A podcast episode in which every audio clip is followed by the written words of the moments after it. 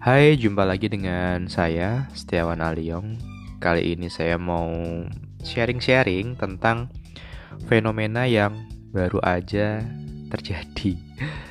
Jadi mungkin kalau teman-teman ngelihat ya, kemarin itu ada momen di mana susu putih di brand tertentu itu menjadi apa ya langka menjadi susah ditemukan. Padahal dulunya itu ya banyak gitu.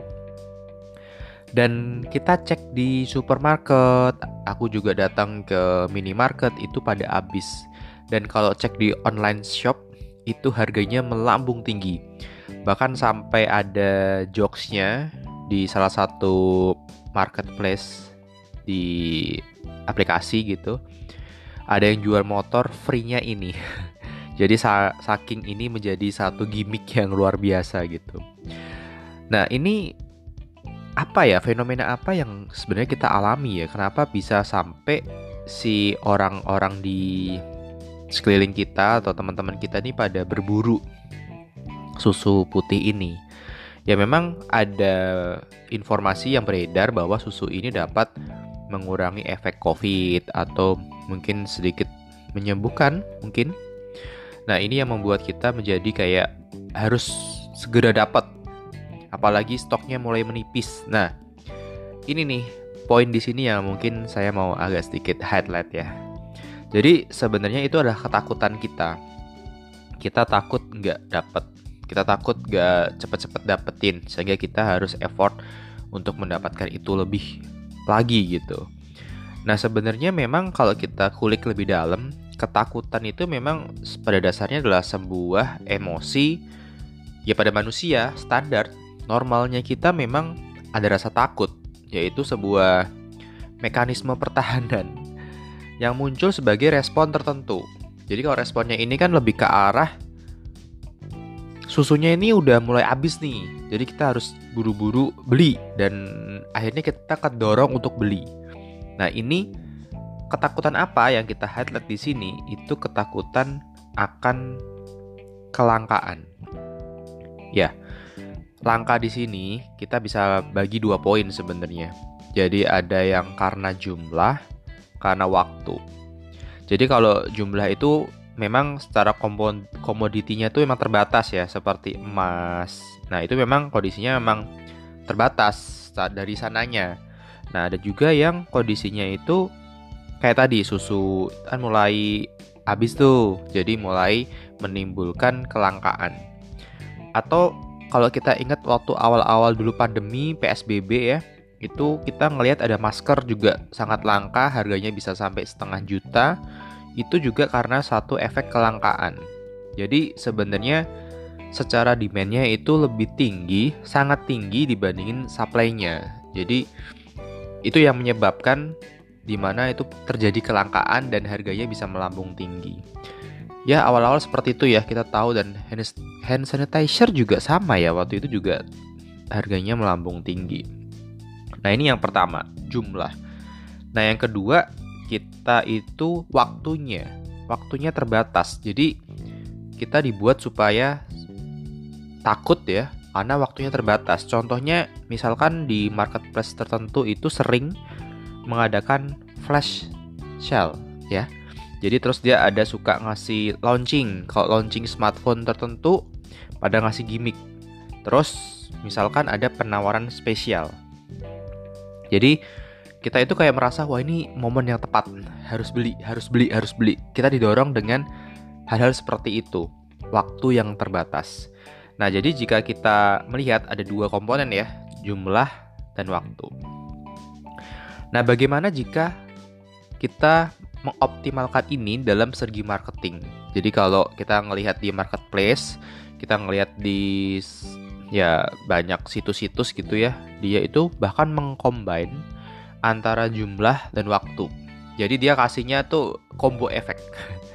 Jadi misalkan dia bilang ini launching smartphone dengan gimmick tertentu hanya 1000 unit saja dan hanya hari ini saja.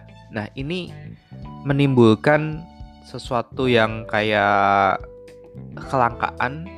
Dan kita kadang-kadang dengan adanya efek efek seperti itu kita malah menjadi yang kita berpikir oh harusnya gimana ya? Beli apa enggak ya? Kita menjadi ada kayak jalan pintasnya. Jadi kelangkaan ini itu membuat kita kadang-kadang memutus logika kita yang harusnya kita pilihin itu harusnya dipikir di, di comparing dengan smartphone lain itu menjadi kadang-kadang wah ini lagi bagus nih sangat terbatas nih dan waktunya hanya hari ini sehingga kita mungkin kita akan beli. Jadi serangkaian ini bisa mematahkan logika kita. Nah, kondisi ini tuh ada istilahnya nih, namanya adalah scarcity effect. Nah, ini efek kelangkaan yang luar biasa. Ini tuh sering diterapkan pada marketing-marketing yang ada ya sekarang. Kalau teman-teman lihat ya, kalau lagi pesen atau booking kamar di hotel itu kalau tanpa kita sadari suka ngelihat ya ada tulisan dua kamar tersisa. Itu kan membuat kita seakan-akan wah komoditi ini sangat terbatas ya. Jadi banyak orang yang suka jadi sehingga ini menjadi harus cepat-cepat kita book kalau enggak nanti habis nah ini salah satu contoh yang dilakukan oleh para marketing-marketing jago ya seperti itu. Ada misalkan di tadi juga hotel saya pernah melihat tuh dia bilang 50 orang sedang melihat properti ini atau hotel ini, kamar ini gitu. Sehingga kita melihat bahwa oh ini banyak nih yang melihat di poin ini sehingga saya harus segera memutuskan sesuatu untuk bisa menentukan atau memilih yang tepat, cepat gitu. Karena ada waktu terbatas, saingannya banyak. Nah, ini salah satu hal yang disebut dengan uh, scarcity effect tadi ya. Misalkan kan kita takut ya, apalagi kalau bilangnya cuma satu kamar tersisa. Wah, itu udah tuh, kita memotong rangkaian logika kita, udah beli aja. Ini pasti bagus gitu. Kalau kita ngelihat itu tadi di online ya, kalau di offline kita ngelihat biasanya apa ya? diskon ya up to 90%, up to 70%. Dan dia kasih range period biasanya waktu. Jadi waktu di sini peran penting gitu. Misalkan tanggal 5 sampai tanggal 10 Agustus misalkan atau tanggal 1 sampai 5 September seperti itu. Ini memicu kita untuk segera wah harus take action nih. Karena waktunya terbatas.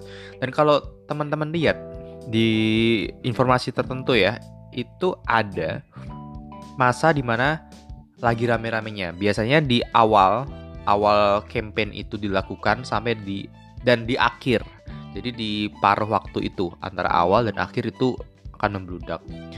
Bahkan saya lupa sedikit saya pernah ngebaca salah satu artikel mungkin nanti dikoreksi jika salah di salah satu marketplace itu mengatakan bahwa kalau dia lagi flash sale dan ada satu hari ditentukan untuk apa ya flash sale gitu itu kadang-kadang bisa tingkat penjualannya melampaui tingkat total penjualan satu tahun. Ya itu saya lupa sih di mana tapi saya pernah baca kayak gitu.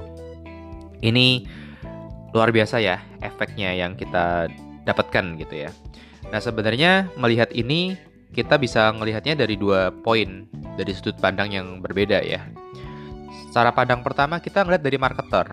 Jadi dari seorang marketing ini ya bagaimana kita membuat sebuah scarcity. Jadi scarcity ini ada hal yang kayak memang dari sananya seperti emas itu kan komoditi yang memang tidak bisa ya memang tidak ada terbatas. Jadi memang dari sananya seperti itu.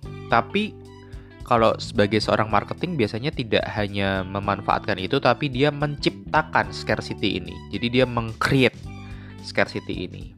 Nah, itu dari marketing ya.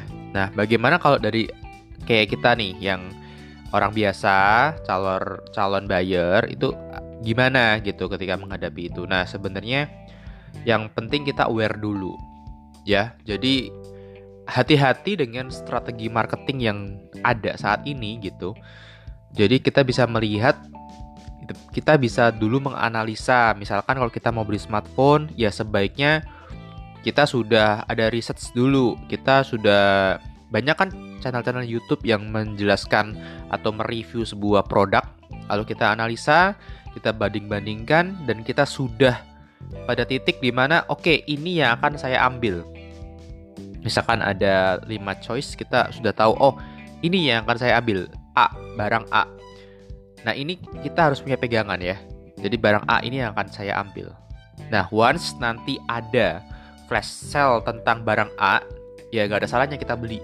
Toh kita sudah pernah research kita sudah pernah mengetahui plus minusnya jadi kita tidak akan menyesal hanya karena flash sale. Jadi flash sale mendukung rencana pengambilan keputusan kita. Jadi yang sebelumnya mungkin oh bagus A ini, bahkan kita mungkin waiting atau tahan dulu kadang-kadang kita tahu nih oh ini kalau saya tunggu nanti akan turun lagi harganya atau ada penawaran spesial. Jadi kita waiting di saat-saat seperti itu. Jadi memang kita bisa melihat dari point of view yang berbeda ya. Dari marketing kan pengennya jualannya banyak, terus kuantitinya yang terjual banyak. Dari sisi kita ngelihatnya ya bagaimana memanfaatkan ini gitu.